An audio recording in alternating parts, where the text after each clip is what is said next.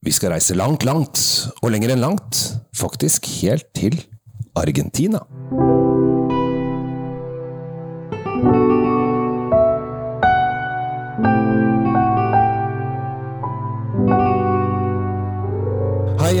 Velkommen til en ny episode av Kjell Svinkjeller og ikke minst Tom Arati Løvaas sin podkast. I dag, Tom, så er vi så heldige at vi har gjester. Eller vi er med gjester. Vi har gjester, for det er vår podkast, så vi har gjester. Som har kommet langveisfra, faktisk helt fra Argentina. Så eh, da, må vi jo, da ble vi glad med en gang. Altså, det er alltid gøy når folk kommer, reiser jorda rundt for å snakke med oss om vin. Argentina er jo et slags eventyrland for mange. Altså, det er jo Andesfjellene, du har uh, fotballspillere, han lille Tassen, han Maradona og sånn, som, ja, som, som, var veldig sånn uh, flink en gang. Og, men de har jo vin òg, masse vin. Og nå skal vi jo snakke om vi kommer helt sikkert inn på det, for straks skal vi introdusere gjestene våre. Men jeg, må nesten si at hovedgjesten i kveld heter jo Malbec. Og det, det, er jo liksom nasjonaldruen i Argentina, ikke sant? Malbec syns jeg er helt fantastisk. Faktisk så uh, var det en, uh, en kar uh, her om dagen som gjerne ville teste argentinsk Man tok kontakt, ville teste argentinsk Malbec i for, for forskjellige høyder. For de har jo veldig høye vingårder. Ikke høye at de er høye hus, men de ligger høyt over havet. Faktisk nesten opp til 3000 meter. Så det er nordmenn som er veldig interessert i dette her. Og da, Tom, da må vi introdusere Malbec-ekspertene. Det må vi, og vi, begynner med, med damene først. Si, si, kort hvem du er. Og, altså, vi har sagt du er fra Sverige, men nå går vi jo på engelsk, og du skal fortelle hvem du er og hvorfor du er her. Madeleine Stemret heter jeg, and now I'm going to change into English. Otherwise my colleague doesn't understand what I'm saying. um, so I'm a master of wine. I am Swedish, and I spend very little time in Sweden. Um, because my work takes me all over the world. So I work as a consultant, freelance, um, all over the world. But my biggest passion from many, many years back is South Africa and Argentina. And Argentina became my focus when I did my thesis for the Master of Wine. In 2007, I started the uh, thesis and I finished and won the award for the best thesis in the in the Master Wine Institute in 2008, and it was called The Effect of Altitude on Malbec in Mendoza. So you talked highly about Malbec before, and Argentina and Mendoza. So I, I digested Malbec severely for like two years, and it was amazing. And with us also today we have uh, Francisco. Welcome. Thank you very much. You're, you're the representative of the Domaine Bousquet, right? I am the inter international business director for Domaine Bousquet for Argentina. For me, this is an amazing opportunity just to bring you more amazing, how you say, information about Argentina, our beautiful country that is, is really amazing. Why is Malbec so important for Argentinians? that's a big question, I know, because that's that's that's a flagship for your country. Yes, totally agree. Because in general, you know, you know that the Malbec, the, the, the original the original origin is is, is Frank's Cahors, but due to our terroir, climate, high altitude, we can produce the best Malbec in the world. So this is the reason that our the reason that is so important because our terroir is amazing for the Malbecs, and this is the reason that we have a lot of we we we have a lot of vineyards of Malbec, and we could export and to explain and to show to the country to the world. No, before we drank all everything in Argentina, but now we in the last twenty five years all the export business from Malbec started. So now it's it's booming. It is your most important grape. Yeah, totally. It's around the sixty percent of the export for Argentina. This is the most important. Yes, because it's unique as well. You can find, in general, you can find Malbecs in other countries that are producing, but the true, the, the highest quality you can find in, in Argentina. What, what is your passion about Malbec? Because since you choose Argentina and South Africa for your thesis, I get Malbec is one of the drives for it. Why- well, why- well, the thing is is, South Africa was more like part of my passion, uh, but I had to decide on one uh, on one line, one direction when I did my thesis, and that was when I was a buyer for the monopoly in Sweden, uh, and I traveled from the north of Argentina all the way down to the south, and everywhere I tasted Malbec, and it was so hugely different, and I could not get my head around why is the same variety showing so many different faces. So I started becoming interested in how how can I figure out what makes it so different, and then I realized that there is one one common uh, thread through everything, and that was the altitude. So in the north, you would be finding uh, vineyards all up to three thousand meters above sea level. And then you come down to, to Mendoza and you will be anywhere between 700 meters above sea level up to 14, 1500 meters. And then you go all the way down south to Patagonia and you're suddenly on 300 meters above sea level. And everywhere, the, the face of the variety was, was just showing so much um, difference. And I thought, hmm, I need to figure out more about this. So that's when I started my, my, my uh, um, investigation. Is it an easy answer on altitude levels? What's the difference for a, for a normal? Norwegian or a Yep. Swede? Yeah, what, what's Yep. what what's happened when you go for three hundred meters to three thousand meters? Is a big difference. Well, the thing is, if you think of the, the variety came from Bordeaux as cuttings into Argentina before this famous louse called phylloxera started destroying the vineyards in Bordeaux. So the variety ended up in Argentina as in its original shape. So it wasn't uh, it wasn't grafted onto the American rootstock, and it never really was in Argentina. But in Europe, it had to be. Otherwise, they would have lost. You know, they couldn't replant unless they did it on the American rootstock. And if you go to where you will find pure Malbec today in France, it will be Cahors. And Cahors, uh, you get very tannic Malbec, very dark, very tannic, very concentrated, difficult to drink as a young wine. And it needs time in the barrel, it needs time in the bottle. And then people don't have the patience to age Malbec or age wine overall. They want to drink it now. They go to buy it now and they drink it tonight. In Norway, it's only three th- uh, three hours bef- Yeah. from buying to drinking. yeah, Yes. yeah, yeah, we're really yeah, fast. yeah, Yeah, yeah. the quickest one in the world. Yeah.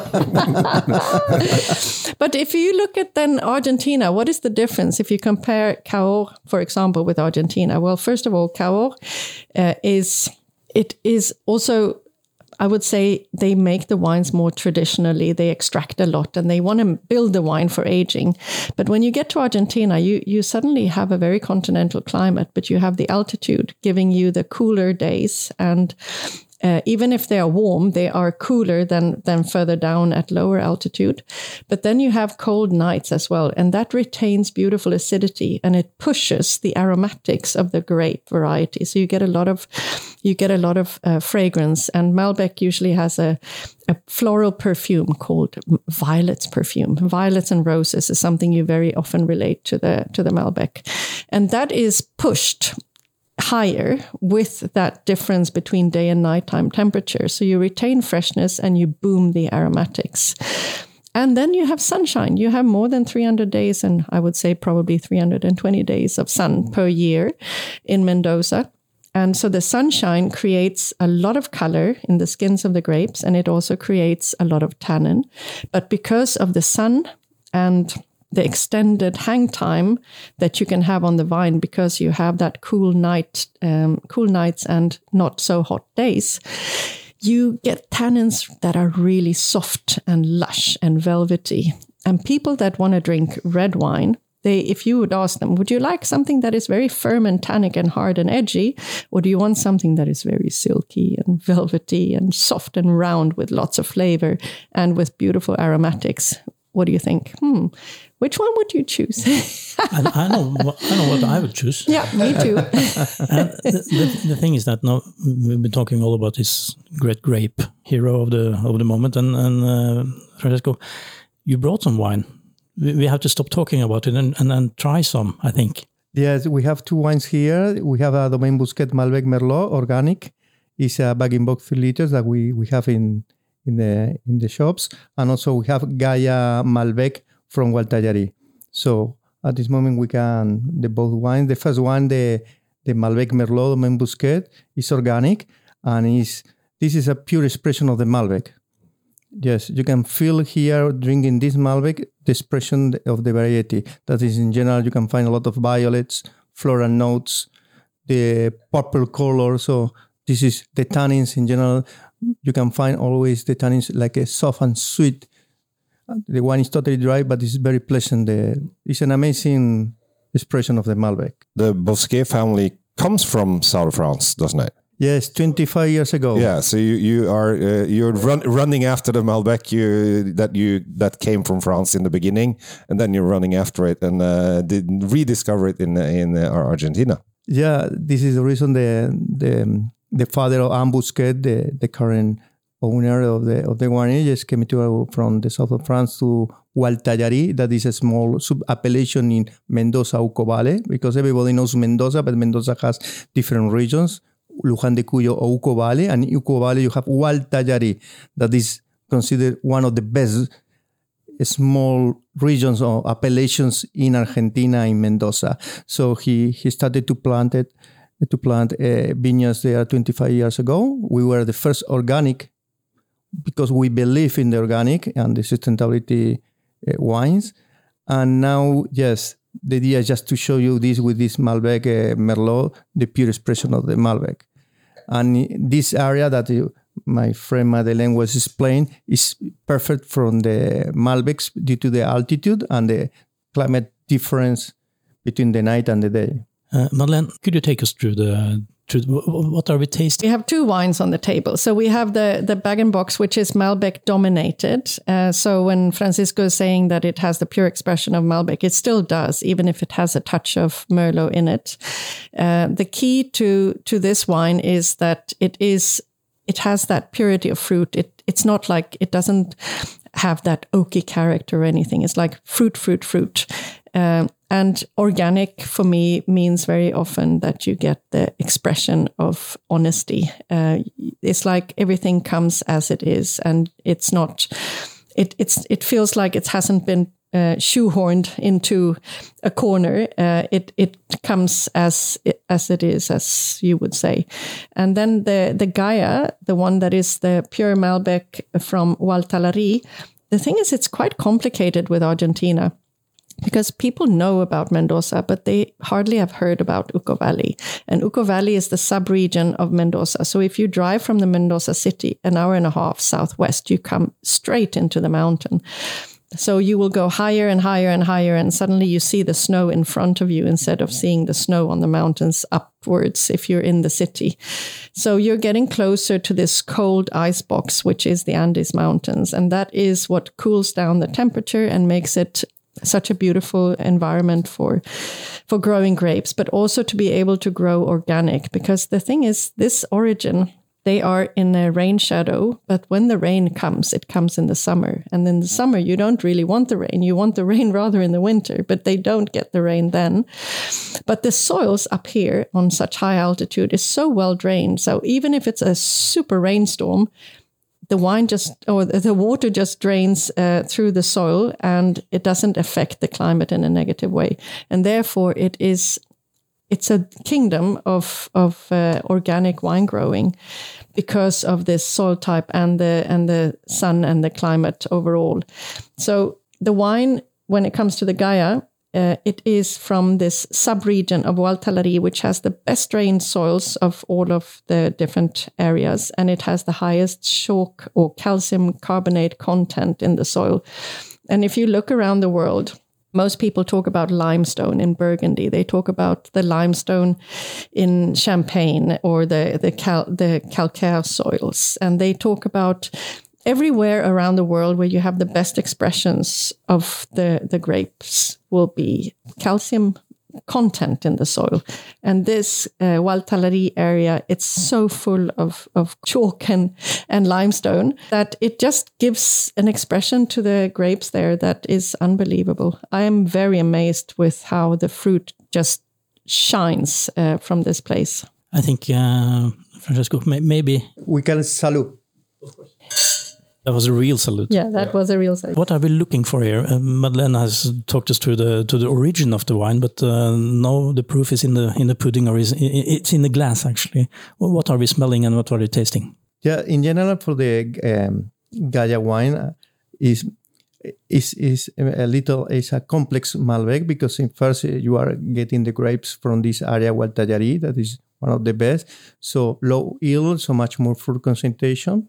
So and also the freshness, the good acidity. So you can see very well the um, the Malbec expression, but also the wine is aged in French oak.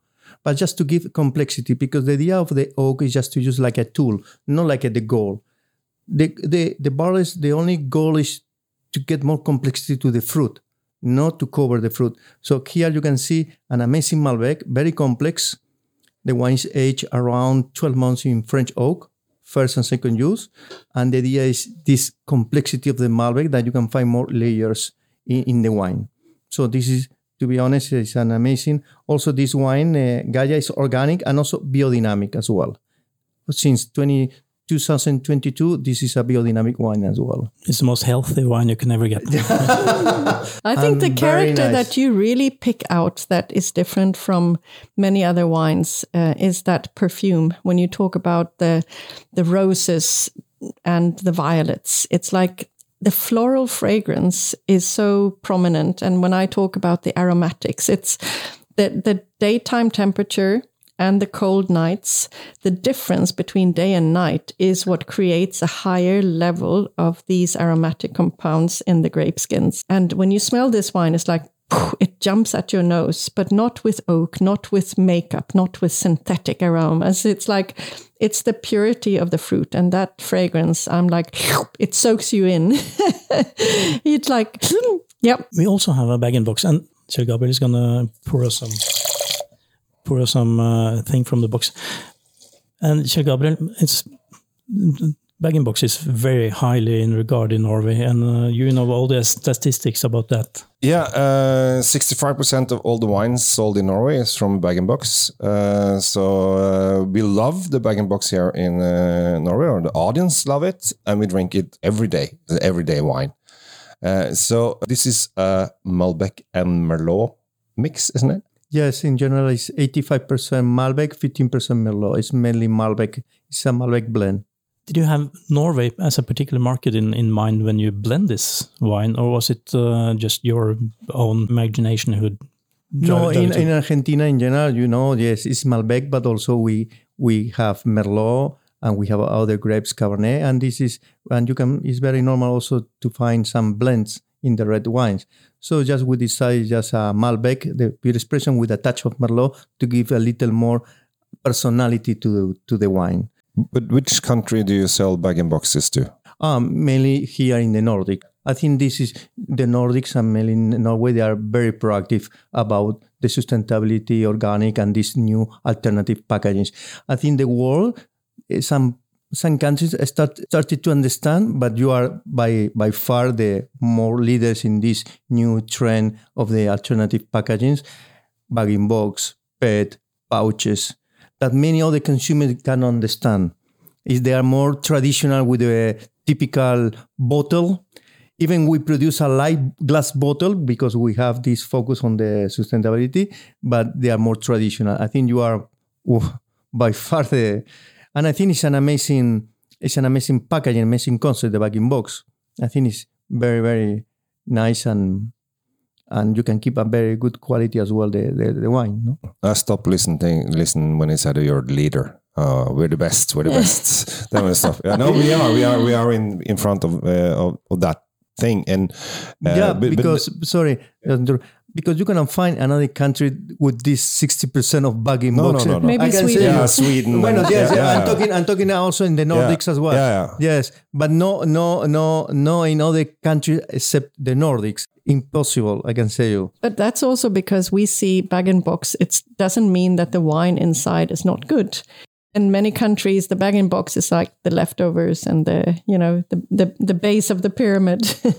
Uh, Madeleine, how, how would you describe the quality of the wine uh, after like uh, two, three, four months in inside the bag in box, and maybe this one in particular, is it is it living well inside? I think this one is showing well. I always think that with a bag and box, it is a it's a good packaging, but I do see that it needs to be consumed within eight nine months of being filled, and I think even if we say it keeps really well in the box, um, if you open it, it can stay for a long time.